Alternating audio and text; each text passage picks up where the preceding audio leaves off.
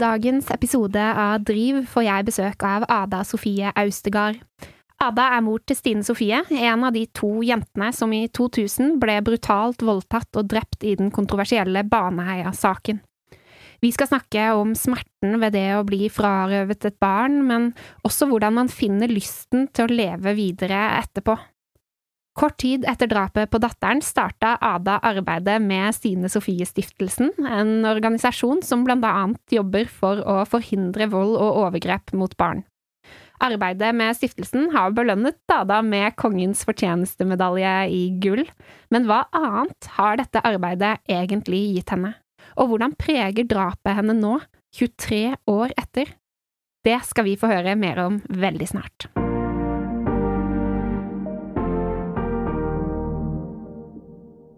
Da sitter jeg her med Ada, eh, og først og fremst så må jeg jo bare si eh, hjertelig velkommen hit.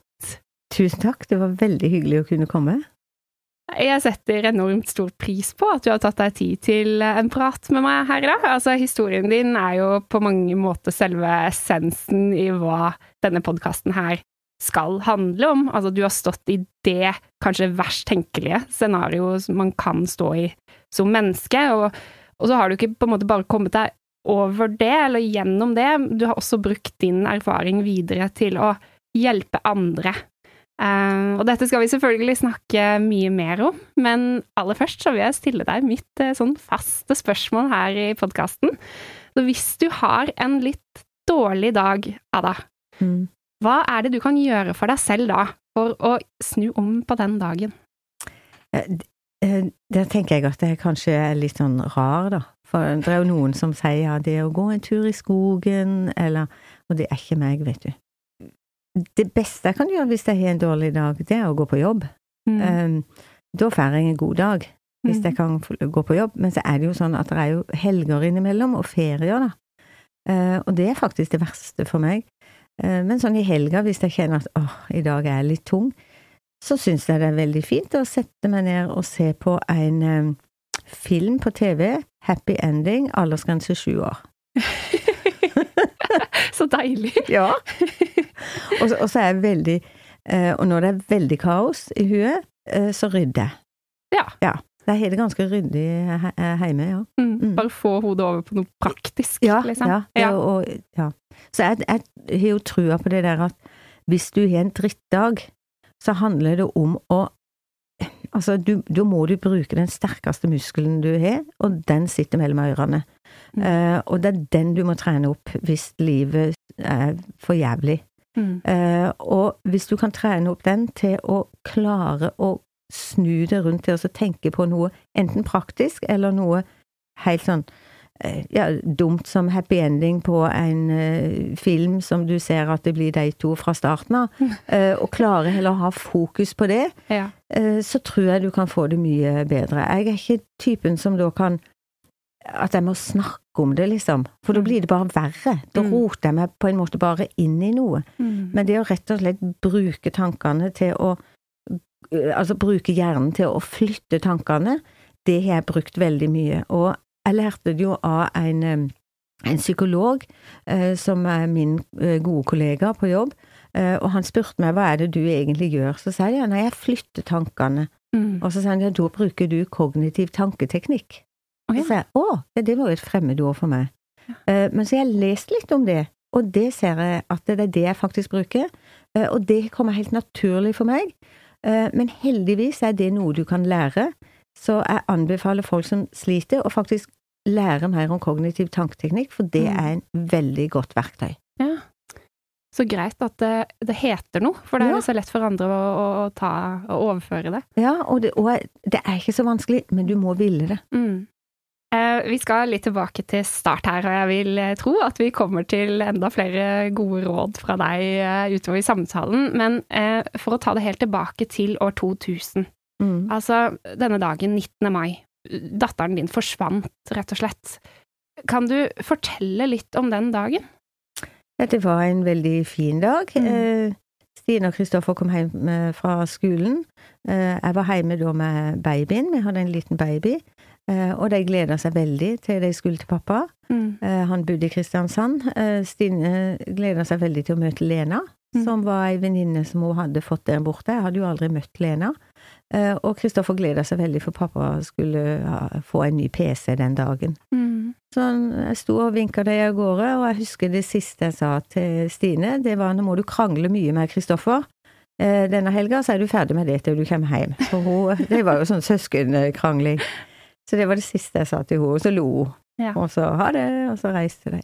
Ja. Um, så fikk vi da telefon eh, ganske seint utpå kvelden. Og Jeg fikk telefon fra min eksmann at eh, Stine og Lene hadde gått opp i Baneheia for å bade. Så min første reaksjon var jo at jeg ble veldig sint eh, Mm. på min eh, eksmann. Vi fikk tak på barnevakt og kjørte bort. Eh, og når det gjelder det at han lot deg gå alene og bade, så eh, til hans sitt forsvar så må det sies at det var veldig vanlig i det området. Mm. Så han gjorde ikke noe annet enn det andre naboer gjorde. Eh, Men det visste jo ikke jeg på det tidspunktet. Mm. Eh, For det føltes veldig trygt. Det var jo et befolka område, det var alltid mye folk der. Så det på en måte har jeg tatt vekk. Jeg er ikke bitter på det i det hele tatt lenger. Jeg var det en periode, Mm. men det er jeg ikke lenger. Så kom jeg bort til min eh, eksmanns leilighet, og der var det en uniformert politimann. Og da først, da fikk jeg denne klumpen i magen. Så kjørte vi opp til, til en parkeringsplass. Eh, for politiet sa det at der hadde jeg laga en liten base. Jeg hadde jo aldri vært i det området før. Og eh, eh, vi hadde med Kristoffer, han var jo tolv. Han sovna etter hvert i, inni en politibil, fikk lov til å sitte i politibilen. Hans Christian, mannen min, var ute og leita, og jeg satt på en stubbe i kanten av parkeringsplassen, for jeg sa at jeg må være her i tilfelle hun blir funnet av noen andre. Mm. Så må mamma være den første til å ta imot henne, da. Natta gikk, og ingenting skjedde, og jeg kan huske på lørdagsmorgen så ble jeg veldig glad, Mm. for da kjørte de over med varmesøkerens helikopter. Og, og da jeg er jo komme inn på det der med hjernen, hvor rar den er, for i løpet av den natta, for folk tenker at da sitter du helt fortvila og bare er fullstendig oppløst i tårer, men det var jo ikke det. Jeg hadde jo et håp. Mm. Jeg, jeg tenkte jo at dette vil gå bra. Og så hadde jeg laga meg en historie inni hodet mitt, og det var at eh, de hadde gått seg vill, og så hadde Stine brekt foten, og så satt Lena og passa på, og så hadde de sovna. Så når de da kjørte over med de helikoptrene, så tenkte jeg det bråker så mye, nå våkner de. Nå er det bare et tidsspørsmål. Jeg så for meg at det ble bilde av Stine og Lena i avisa, og de eh, åtte og ti år og var ei natt ute i skogen alene, og ikke sant. Og, Mm. å, jeg var så letta. Men så forsvant det helikopteret, og så skjedde det ingenting. Og da kan jeg huske at jeg tenkte, hva? Kan det være at ikke jeg ser henne igjen? Mm. Eh, Men den tanken skjøv jeg vekk, for jeg ville ha det håpet om at alt var greit, at det ville løse seg. Mm. Så gikk hele lørdagen. Lørdagsnatta gikk. Eh, Jeg hadde jo ikke sovet siden fredagsmorgen. Jeg begynte jo å bli både fysisk og psykisk eh, ganske utslitt. Så kom jo familie og venner etter hvert, og hadde med mat og teppe og sånt. Det var jo ingen som ivaretok meg der, eller oss. For du, du var fortsatt da ute i ja, jeg var ute, jeg var satt med den parkeringsplassen Mm, hele tida. mm. Mm. Så det var jo rart å se hvor dårlig det fungerte i ivaretagelsen av oss, da. Ja. Verken politi eller Røde Kors eller noen snakka med oss. Så, men, men heldigvis så kom det jo familie og venner, da, og hadde med noe ekstra klær og teppe og vann og ja, drikke og mat og sånn. Um, så gikk jo hele søndagsnatta og søndag, så var det på søndagskvelden, så da hadde de satt opp et sånn eh, sånn partytelt der politiet liksom eh, organiserte leteaksjonen. Og så er det er rart, det var jo mange hundre mennesker der, det var helt kaos. Uh, og så var du liksom midt oppi dette, det var jo som å være inne i en sånn film, det var helt Mm. sånn rart. Og uh, en hører jo det at når ryktet går, og det har jeg faktisk følt på kroppen, for plutselig så ble det akkurat som en sånn summing i folkemengden. Ja. Og, og, og, så, og, nådde, og vi hadde jo laga en liten base med familie og venner, da. Mm. Og så så jeg at det det er et eller annet, så da gikk jeg inn i det teltet til politiet. Og akkurat idet jeg kom inn den ene inngangen, så kom der en springende inn den andre inngangen, og han var helt sånn oppkava, og så sier han Jeg gikk rett på det, det var helt forferdelig, vi må, vi må ha flere politibånd, vi må sperre av området. Mm. Og så sto jeg der, og så sier jeg bare Hva er det som har skjedd? Og så snudde de seg mot meg, og så var det noen som sa Få ut, få ut. Oi. Og så rygga jeg ut, og der var det jo masse presse, og tok bilde, og jeg sprang forbi dem og bort til familie og venner og sa at det har skjedd noe, men jeg vet ikke hva som har skjedd. Eh, Og så vet jeg ikke hvor lenge jeg venta der, før da, da kom en politimann og sa at jeg måtte meg ned på Kristiansand politikammer og vi ble jo samla der, nærmest familien, og fikk da den forferdelige beskjeden. Mm. At nå var de funnet. Ja. Jeg, jeg, husker ikke så mye fra akkurat det øyeblikket, men jeg husker at eh, Jeg husker Kristoffer sin reaksjon, for han satt på et rom ved sida. Eh, det var forferdelig. Det husker jeg. Mm. Han var tolv år. Mm. Eh, Men jeg hadde visst skreket ganske høyt. Men så hadde jeg roa meg veldig fort ned, og så, og så hadde jeg spurt, og det lurer jeg på den dag i dag, hvorfor jeg spurte, men det vet jeg ikke, men jeg hadde spurt er de voldtatt, Mm. og da sa han ja, det kan dessverre se sånn ut. Mm. Da var liksom livet annerledes fra den Ja. dagen. Mm. Eh, Du beskriver jo følelser som altså håp, eh, Ja. sinne innledningsvis Mm. der, eh, at det bare er et fullstendig kaos. Mm. Sånn, hva annet rakk du å kjenne på i løpet av den ventetiden der? Ja, altså, jeg kjente jo på glede. Ja. Altså både håp og glede hadde Mm. jeg jo. For du, du tenker jo ikke det verste. Jeg er ikke en person som tenker det verste. Jeg er nok en veldig sånn optimistisk person, så, Mm. så heldigvis Mm. så, så hadde jeg jo det håpet, og det hjalp meg jo igjennom, og, og den gleden når helikopteret kom, for eksempel. Jeg kan huske det, men så kunne jeg ikke vise det, for folk kunne jo ikke se det. Ikke sant? Og det er vanskelig Mm. med det å være mamma. Du kan på en måte ikke være ærlig, men det bestemte jeg meg for når eh, faktumet var så forferdelig som det var. Så bestemte jeg meg for at jeg skal være den jeg er. Jeg skal ikke være sånn som folk eller samfunnet forventer at du skal oppføre deg. Jeg vil også spørre deg litt om eh, ja, dette funnet, da, og, Mm. og disse spørsmålene som kom eh, umiddelbart fra deg om har hun blitt voldtatt, og ikke sant, du hadde sikkert Mm. ikke muligheten til å tenke igjennom så veldig Nei. hva som kom i møte når du spurte disse spørsmålene. Hva følte du på som mor, altså både da umiddelbart, men også de kommende dagene? Det var veldig rart, fordi at eh, det var veldig tomt for Ja. følelser. Det var ikke sånn at jeg bare «Åh, Så forferdelig! Det var, det var helt tomt. Jeg begynte å organisere livet mitt. Jeg var veldig opptatt i at vi måtte få hjelp til å ivareta eh, Janna, minstejenta. Mm. Jeg var veldig opptatt av Kristoffer.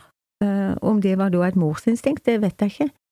Men jeg kjente jo, eh, når det var gått noen dager, vi måtte jo begynne å planlegge begravelsen og alt det, og jeg har jo en verdens mest fantastiske mann som Mm. organiserte alt og var helt utrolig. Ja. Så kjente jeg jo på den der at jeg, jeg klarer dette. Åssen skal det gå? Er det bedre at jeg bare ikke lever lenger? Mm. Eh, Jeg hadde jo sånne tanker, men eh, jeg aktivt skjøv dem vekk og tenkte nå må du kutte ut, ikke være så dum. Dette handler ikke bare om deg, Ada, dette handler faktisk om hele familien.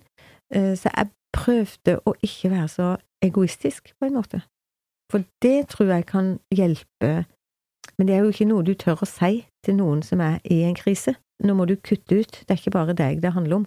Mm. Det handler faktisk om mange andre òg. Mm. De rundt som er glad i deg, andre som har det vondt. Eh, Og det kan være litt vanskelig å si direkte til folk, men det var faktisk noe jeg oppdaga sjøl, at jeg tenkte at det her må jeg ikke bare tenke på meg sjøl. Mm. Så jeg tok et aktivt valg. Jeg sa til mannen min at eh, i dette huset så skal det igjen bli latter, musikk og glede. Og det sa jeg Ja. til han før begravelsen til Stine. Og da sa han det trenger du ikke å tenke på, og da sa jeg det må jeg tenke på hver dag, hver time, hvert minutt for at jeg skal klare det. Mm. Men hvis jeg da hadde visst at jeg måtte bruke den teknikken og stå i det valget i 23 år, så vet jeg ikke om jeg hadde klart å tatt det. Jeg hadde jo trodd at det skulle ta en slutt, men det har det dessverre ikke gjort. Så du må fortsatt tenke at du må være Altså du har andre rundt deg, og du har eh, annet ansvar som Ja. du må ta hånd om. Ja. Eh, Og ikke minst så har jeg da stiftelsen, som betyr eh, alt for Mm. meg. Mhm. Ja, og den skal vi snakke mer om, eh, men det er jo veldig interessant å høre litt om denne støtten fra de rundt deg. Da. Hva, eh, hva betød den for deg, og er det noe støtte du kunne tenkt deg nå at du burde fått? Noe hjelp du burde fått, sett i etterkant? Ja, nå var jo jeg i den heldige situasjonen at jeg hadde en veldig, veldig ressurssterk mann. Ja. Um, Jeg hadde ei kusine som jeg hadde et nært forhold til, som, eh, som eh, var psykiatrisk sykepleier. Um, og som tørte å snakke meg midt imot. Eh, Det var for eksempel hun som sa etter en måned at nå må du begynne å skifte bleie på den babyen din. Ja. Ja, men jeg har jo så vondt, og jeg klarer ikke å Å, ikke sant. Jeg ble, da var jeg liksom den der syntes synd på meg. Mm. Eh, og da bare så hun på meg, så sa hun ja, hvem andre er det som skal skifte bleie på den når Hans Christian ikke er i nærheten, da? Tenkte jeg, åssen kan du være så grusom med meg? Men eh, det var jo helt riktig. Ja. Noen som bare var tydelige. ja, ja. Ja. Så, så det, å, det å ville ha folk rundt seg som Mm. faktisk tør å snakke deg imot og si at nå må du skjerpe deg, det tror jeg er alfa og omega, og det hadde jeg. Mm. Men jeg hadde veldig få mennesker rundt meg, for jeg ønska ikke å ha mange. Eh, Og når det gjaldt sånn som på den tida, da, sånn som krisetimer, det, det er jo bare en stor vits, det er jo ledd eh, veldig av. Så, så vi fikk jo ikke noe sånn profesjonell hjelp, eller det jeg hadde trengt da, det var en god gammeldags husmorvikar. Ja. Altså, hallo, kan noen se og få gjeninnført det? det? Jeg klarte jo ikke å tenke på at nå må jeg vaske toalettet, liksom. Jeg ga jo blaffen i åssen det så ut. Mm. Eller hva skal vi ha til middag i dag? Mm. Det, det var for det var så mye kaos i huet. Så det burde jo det norske samfunn snart eh, forstå, at eh, gjeninnfør den gode, gammeldagse husmorvikaren. Og det gjelder jo ikke bare for vi som er i en krise som har mista et barn, men det gjelder jo mennesker som er alvorlig syke, Mm. eh, som rett og slett hadde hatt behov for å kjenne den derre gode såpelukta etter rene eh, gulv, ikke sant, hørt støvsugeren gå. Eh, og det handler ikke om at du er lat, men det handler rett og slett om at du har så kaos i huet at du klarer ikke å utføre sånn helt normale eh, huslige plikter. Mm. Det, det, det hadde ikke plass. Nei. Så, så jeg, jeg tenker at et samfunn hadde vært tjent med en god gammeldags husmorvikar. Mm. Tilbake igjen til det. Få vekk alt det der profesjonelle eh, som på en måte time klokka da. Skal vi snakke om sorg? Det er ikke akkurat da jeg følte behov for det. Og så tror jeg det er viktig å, å finne den der kjernen av mennesker som, som gir deg energi. Mm. Det er veldig mange mennesker som kan tappe deg for energi. Og jeg, har jo- jeg møtte jo en psykolog en gang i, i forbindelse med et seminar jeg var på med jobb, og det var litt interessant, og så, og så sier hun ja, jeg har tenkt på det du har opplevd, altså. Hvis jeg hadde opplevd det, jeg tror ikke jeg hadde klart å leve. Og da hadde jeg lyst til å si eh, ok, syns du jeg burde begå selvmord, Mm. eller hva syns du? Men hun mente det jo ikke sånn, Nei. hun ga jo bare et uttrykk for hvor ille hun syntes det var det jeg hadde opplevd. Mm. Eh, og da valgte jo jeg å tenke sånn? Men jeg kunne jo ha tenkt for ei drittkjerring, tenk å si noe så dumt. Ja. Men da tenkte jeg, hun viste jo meg veldig mye omsorg Mm. eh, og medfølelse med å, å si det, men det er litt tøft at det kommer fra en psykolog, for hun burde jo Mm. kunne ha tenkt litt mer. ja. ja, du fikk eh, sikkert høre det jeg også har fått høre mye i det siste, at du er så sterk. Oh. Og så er det ja, men hva annet skal jeg være, da? Altså, nå står vi jo i denne situasjonen her, og altså Hadde ikke alle på en måte måttet være sterke i den situasjonen? Jeg har, jo ikke noe valg, liksom. Nei, men jeg hater ordet sterk. Ja. Altså, gi meg en definisjon på hva sterk er. Er det hvor mange Ja. kilo du klarer å løfte? Er det det at du evner å le? Ja. Er det, hva, hva er det å være sterk, da? Mm. Er det ønske å leve og ha Mm. et godt liv? Er det å være sterk? Jeg tenker bare nei. Det er jo Nei, um, ja, Maren, det Ja. kan jeg si. Jeg har hørt det nå i 23 år. Um, jeg håper du òg vil høre det i 23 år, Ja, for å si det sånn.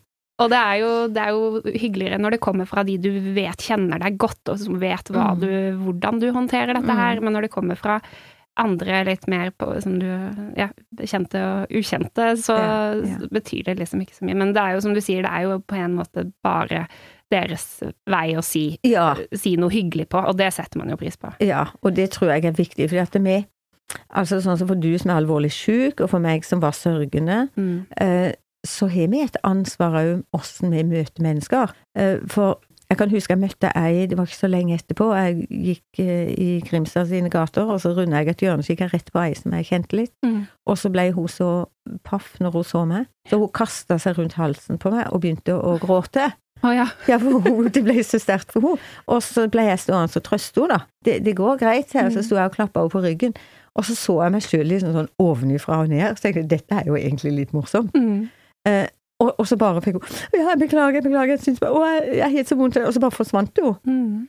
Og da tenkte jeg etterpå Stakkar, nå kommer hun sikkert til å tenke å, det var flaut. Mm. Uh, men da tenkte jeg etterpå Så fantastisk. Det bare kom helt impulsivt så Mm. viste hun en fantastisk medfølelse med meg, eh, og da er det faktisk mitt ansvar å gi henne en tilbakemelding på at det syntes jeg var fint. Mm. Så det gjorde jeg. Så jeg sa det, vet du hva, og å ja, nei, det var jo så pinlig, jeg visste ikke hva jeg skulle si. Så sa Ja. sa vet du hva, det var så fint. Mm. Så vi har et ansvar. Vi har det.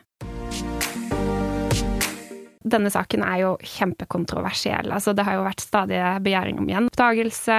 Du måtte vente lenge før pågripelsen kom, i, altså i utgangspunktet. Og så har det jo vært rettssak på rettssak og domfellelse.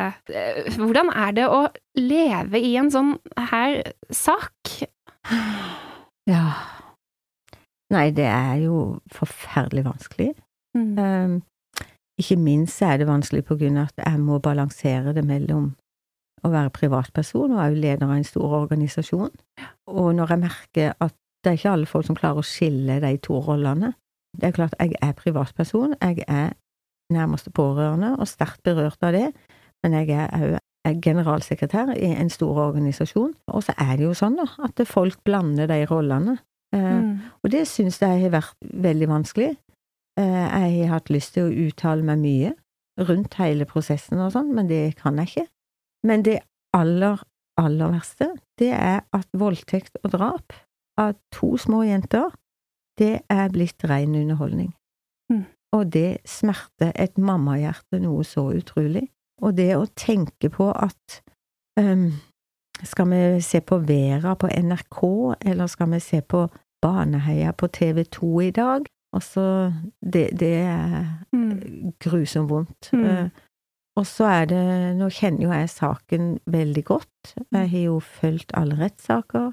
Jeg har lest alt av dokumenter i alle gjen, eh, gjenåpningbegjæringer.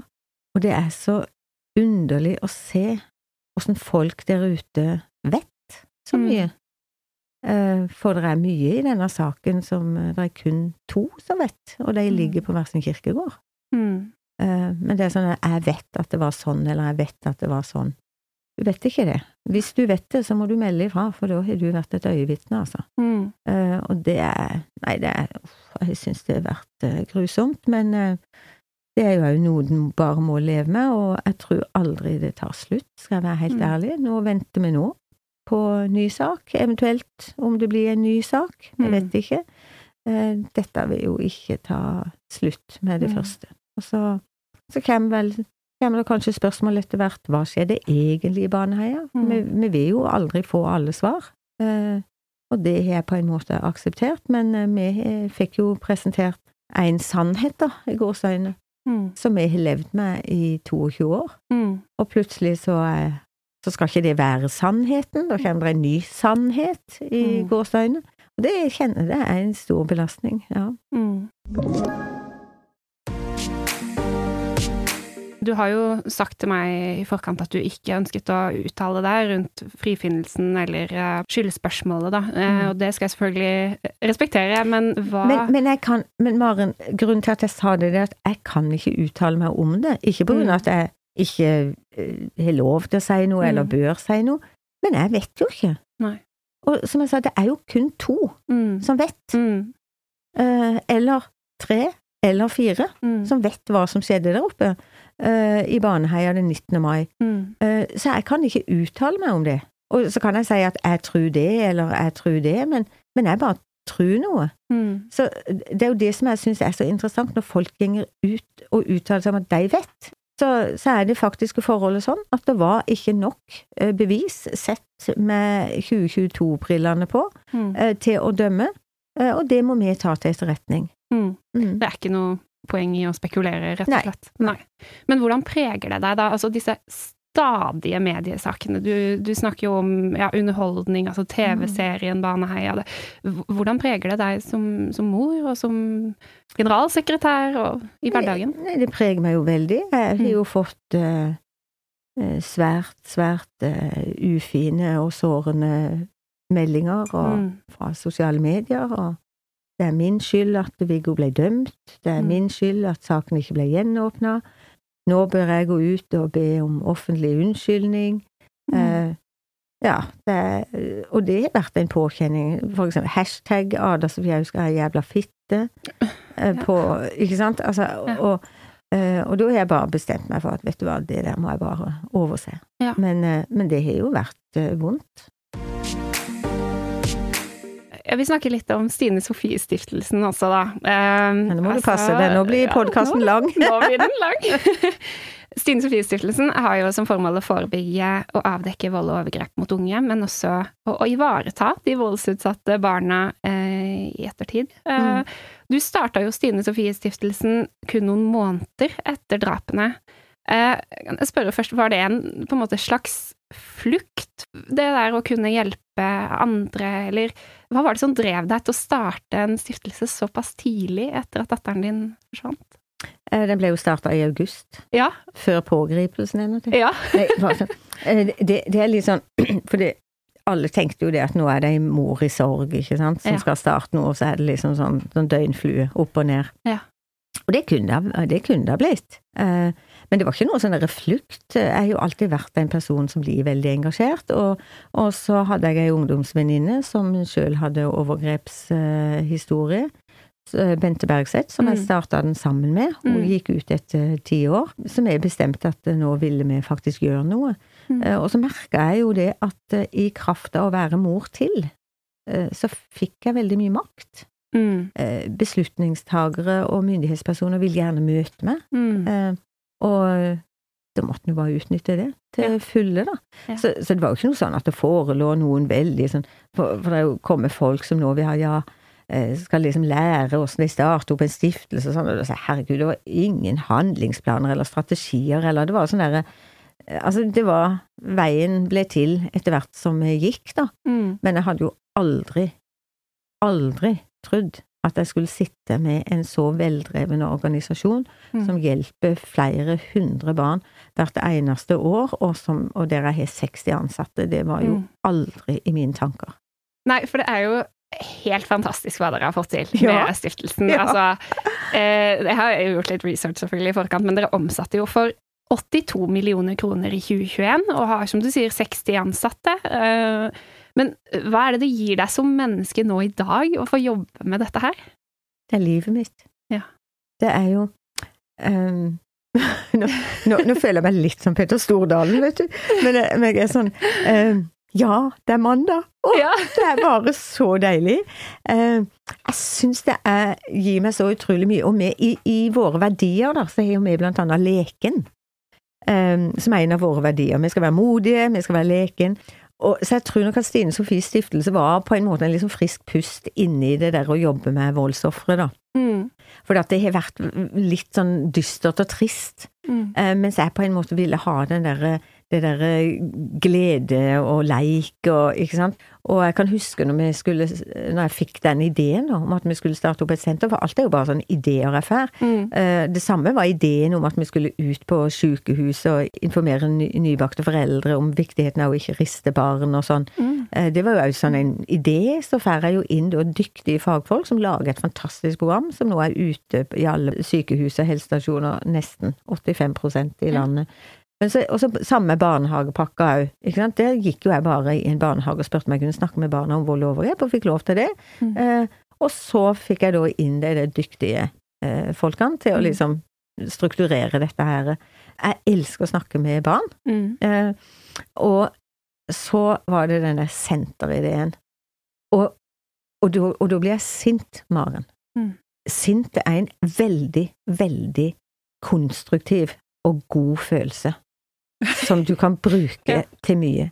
Og ja, altså, nå er podkast vanligvis, så sier jeg jeg blir fly forbanna. Mm. Eh, og når jeg da ser at for eksempel kreftsyke barn får en veldig god oppfølging, og jeg møtte faktisk ei mamma som hadde et barn som var utsatt for grove seksuelle overgrep, og så sier hun til meg, nå skal jeg si noe som er helt forferdelig, sa hun, men jeg skulle ønske dattera mi heller hadde fått kreft. Da hadde hun i hvert fall fått hjelp. Dette var ei jente som var så skada, hun hadde blitt utsatt for det groveste av det grove, og og det gjorde noe med meg.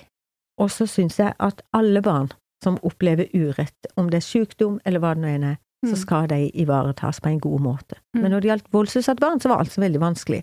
Og jeg gikk jo fra kontor til kontor og til fagfolk og snakka om ja, hvor viktig det var at vi ville bygge et senter, og hvor viktig det var å ivareta dem. Og det var jo ikke måte på hvor vanskelig alt var. Mm. Eh, Du kunne jo ikke samle traumatiserte barn, og det var ingen som sikkert ville komme til oss, og det var jo ikke måte på. Og så sa de ja, og hva tenker du å gjøre?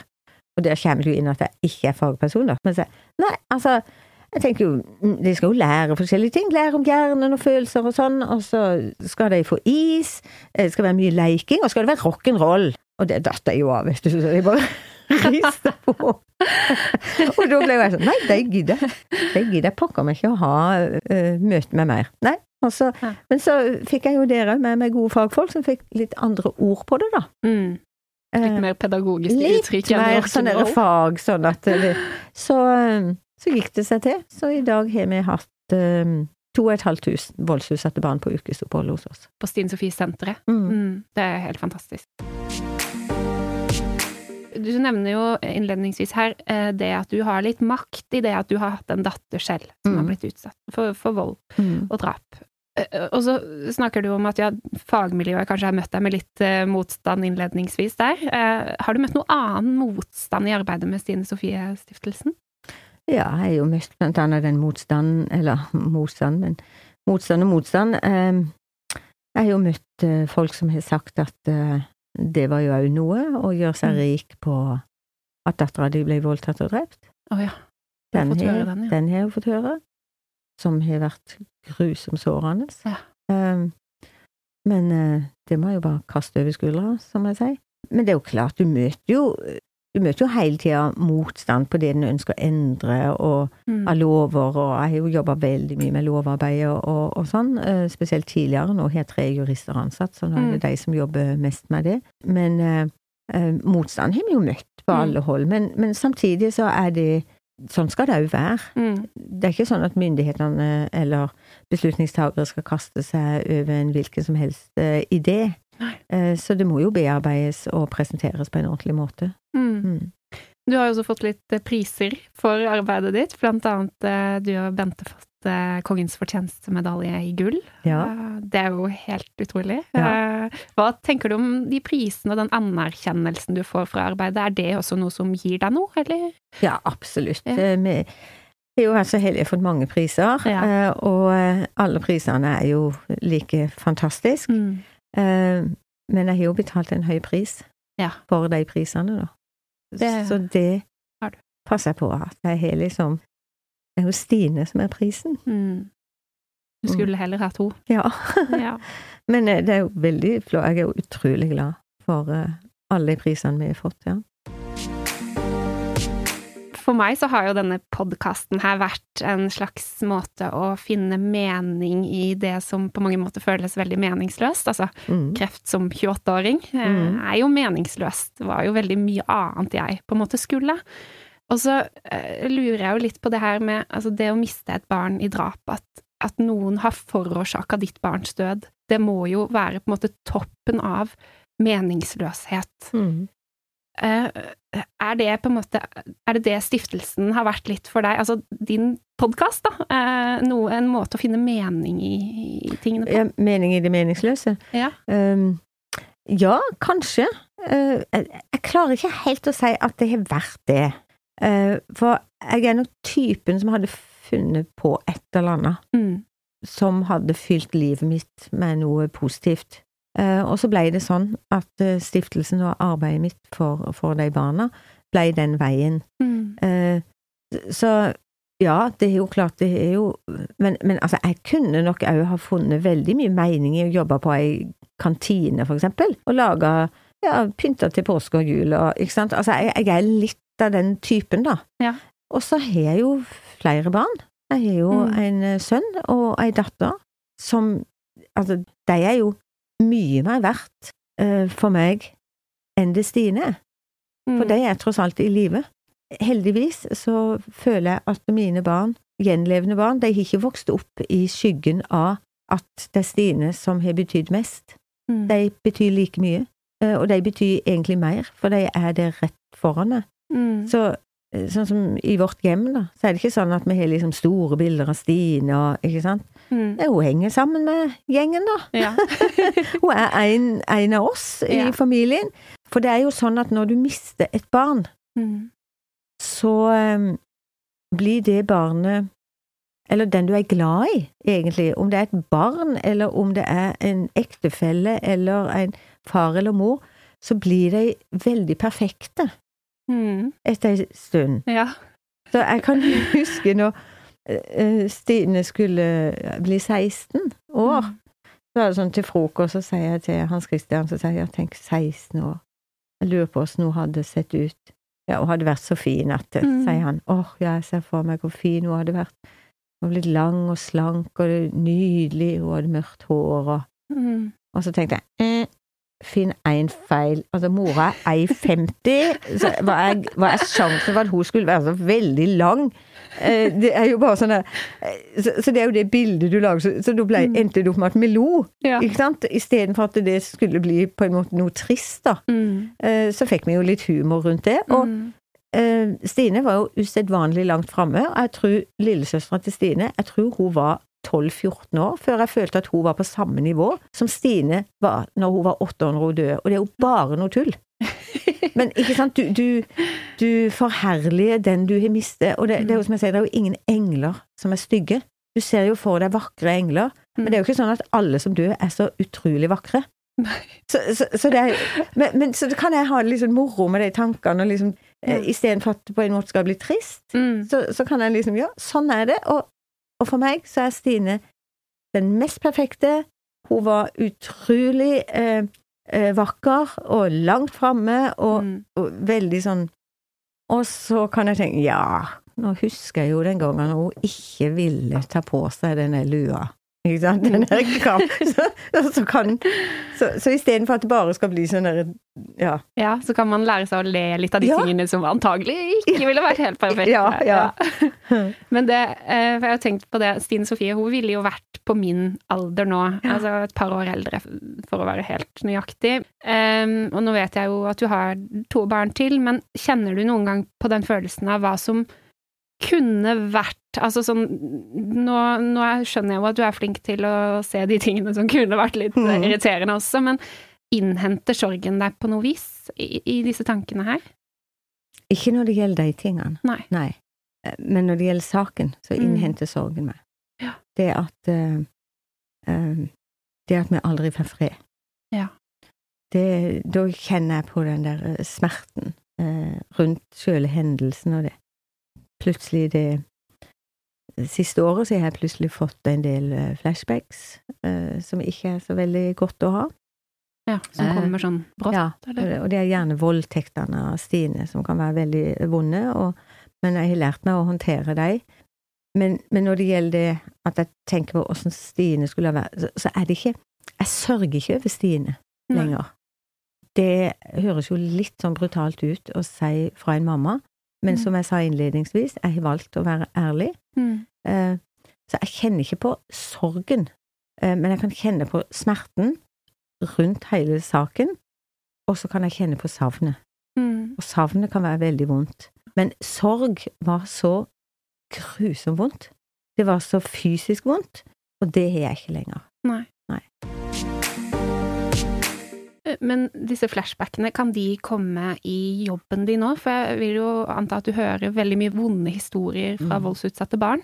Kan de komme Nei. på den måten? Nei. Du Nei. klarer å skille det? ja. Ja. ja. Jeg, jeg har ingen problemer med det. Nei. Jeg, altså, jeg liker å snakke med barn. Hvis barn forteller meg eh, Da er det jo helst de litt eldre, da, som kan Mm. sitte og fortelle historiene. Da får jeg kraft. Eh, Jeg kjenner ikke motløshet. Jeg får kraft til verre historier jeg hører. Til mer kraft får jeg, som jeg prøver å overføre til den som har opplevd det forferdelig, Mm. sånn at de, nå skal de få pokker meg i hvert fall få et godt liv. Mm. Så, så da kjenner jeg heller den der, ja, energien og kraften eh, når jeg hører på sånn grusomme grusom urett. Så eh, sånn flashback og sånn, det er jo eh, når jeg er helger, da. Ja, når jeg ikke er på jobb. Eh, altså, du har jo drevet stiftelsen nå i 23 år Ja. snart. Jeg blir 60 i år, Maren! Herregud, jeg begynner å bli gammel! Eh, hva tenker du eh, måte, fremover? Er det noe du kommer til å fortsette med til den dagen du passerer, eller, eller er det noe annet du har lyst til å gjøre jobbmessig? Nei. Nei det, nei, det er jo stiftelsen. ja. Jeg har jo lyst til å hjelpe flere. Mm. Så vi har jo kjøpt en ny eiendom, blant annet der vi skal bygge et, et, nytt senter. Eh, så, eller samme, samme, konsept, men vi vil hjelpe flere. Mm. Eh, så nå er jeg jo ute og skal samle inn penger, vet du, og, og ja. Og ikke minst så må vi få startstøtte til å mm. hjelpe flere av de barna. Eh, for du kan si sånn som vi, da, sånn som de regner på, så er det en til enhver tid en ca. 100 000 barn mellom 0 og 18 år som, som har vært utsatt for vold og overgrep, som, som lever i Norge. Eh, og vi har da 500 barn som vi hjelper, altså en halv prosent. Og tenk hvis det hadde vært innenfor noe sykdom, da. Mm. Tenk hvis det hadde vært barn som hadde fått kreft, at du bare ja. hjalp en halv prosent. Ja. Det hadde jo vært helt forferdelig. Så vi skal i hvert fall bygge det opp sånn at vi kan bidra og hjelpe til 1000 barn mm. i året. Men så handler det om å få tilskudd, og, og det er jo noe som stresser meg. Eh, mm. Nå har vi kjøpt eiendommen, um, så, mm. så det, jeg har mye stress i jobben med å på en måte klare å levere hele tida. Mm. mm. Sånn avslutningsvis, har du noen uh, gode siste råd uh, til de menneskene som står i en sorg etter å ha mista noen? Hva er på en måte det viktigste man kan ha fokus på? Det viktigste du kan ha fokus på, det er livet. Ja. Eh, og så bør du ta en runde med deg sjøl på eh, hva du vil velge. Mm. Åssen du vil velge å leve livet. Og det tenker jeg gjelder ikke bare oss som har mista noen, men det gjelder like mye i hverdagen. Mm. Åssen liv ønsker du egentlig å ha? Og jeg må jo ærlig innrømme at vi, eh, vi er blitt et litt sånn sutresamfunn, syns jeg, mm. eh, istedenfor å rette fokus på hvor bra mange har det, mm. og så heller bruke energi på å hjelpe de som ikke har det så bra. Jeg syns flere folk kunne ha gjort mer for andre, egentlig, for å få et meningsfylt liv. Eh, og det tror jeg hjelper veldig hvis du har opplevd noe vondt. Det å rette fokuset med å gjøre noe for andre. Og det mm. trenger ikke å være å starte en organisasjon. Det kan være de små tingene i nabolaget eller idrettslaget eller eh, ja, frivillig arbeid. Mm. Eh, det er mye du kan gjøre. Men du må sjøl ønske å mm. skape en mening i ditt liv som gir deg energi. Mm. Hvis ikke du ønsker det, så har jeg ikke noe god råd. Nei. Slit seg ut. Jeg liker å hogge ved. Ja. ja, men det er jo tilbake til de praktiske tingene ja. som du okkuperer hverdagen din med da, når ja, du har en kjip dag. Ja. ja. Ada, tusen takk for at du tok turen hit. Altså, det var en, det var en sann glede å få ha en fellow sørlending i studio, og ikke minst å få møte deg. I like måte, Maren. Mm. Mm. Eh, og så er jeg sikker på at eh, historien din og de rådene du har kommet med her i dag, vil være til hjelp og motivasjon for mange. Og så er det jo selvfølgelig også behov for å bare gi en stor takk for det arbeidet du gjør med stiftelsen, og lykke til videre med det. Og så vil jeg bare si, Maren, jeg ønsker deg alt god bedring som finnes på denne jord, mm. og jeg håper at jeg kan knekke koden, sånn at du kan få være sammen med oss i mange, mange år. Tusen, tusen takk for det, og takk for i dag. Ha det bra. Ha det.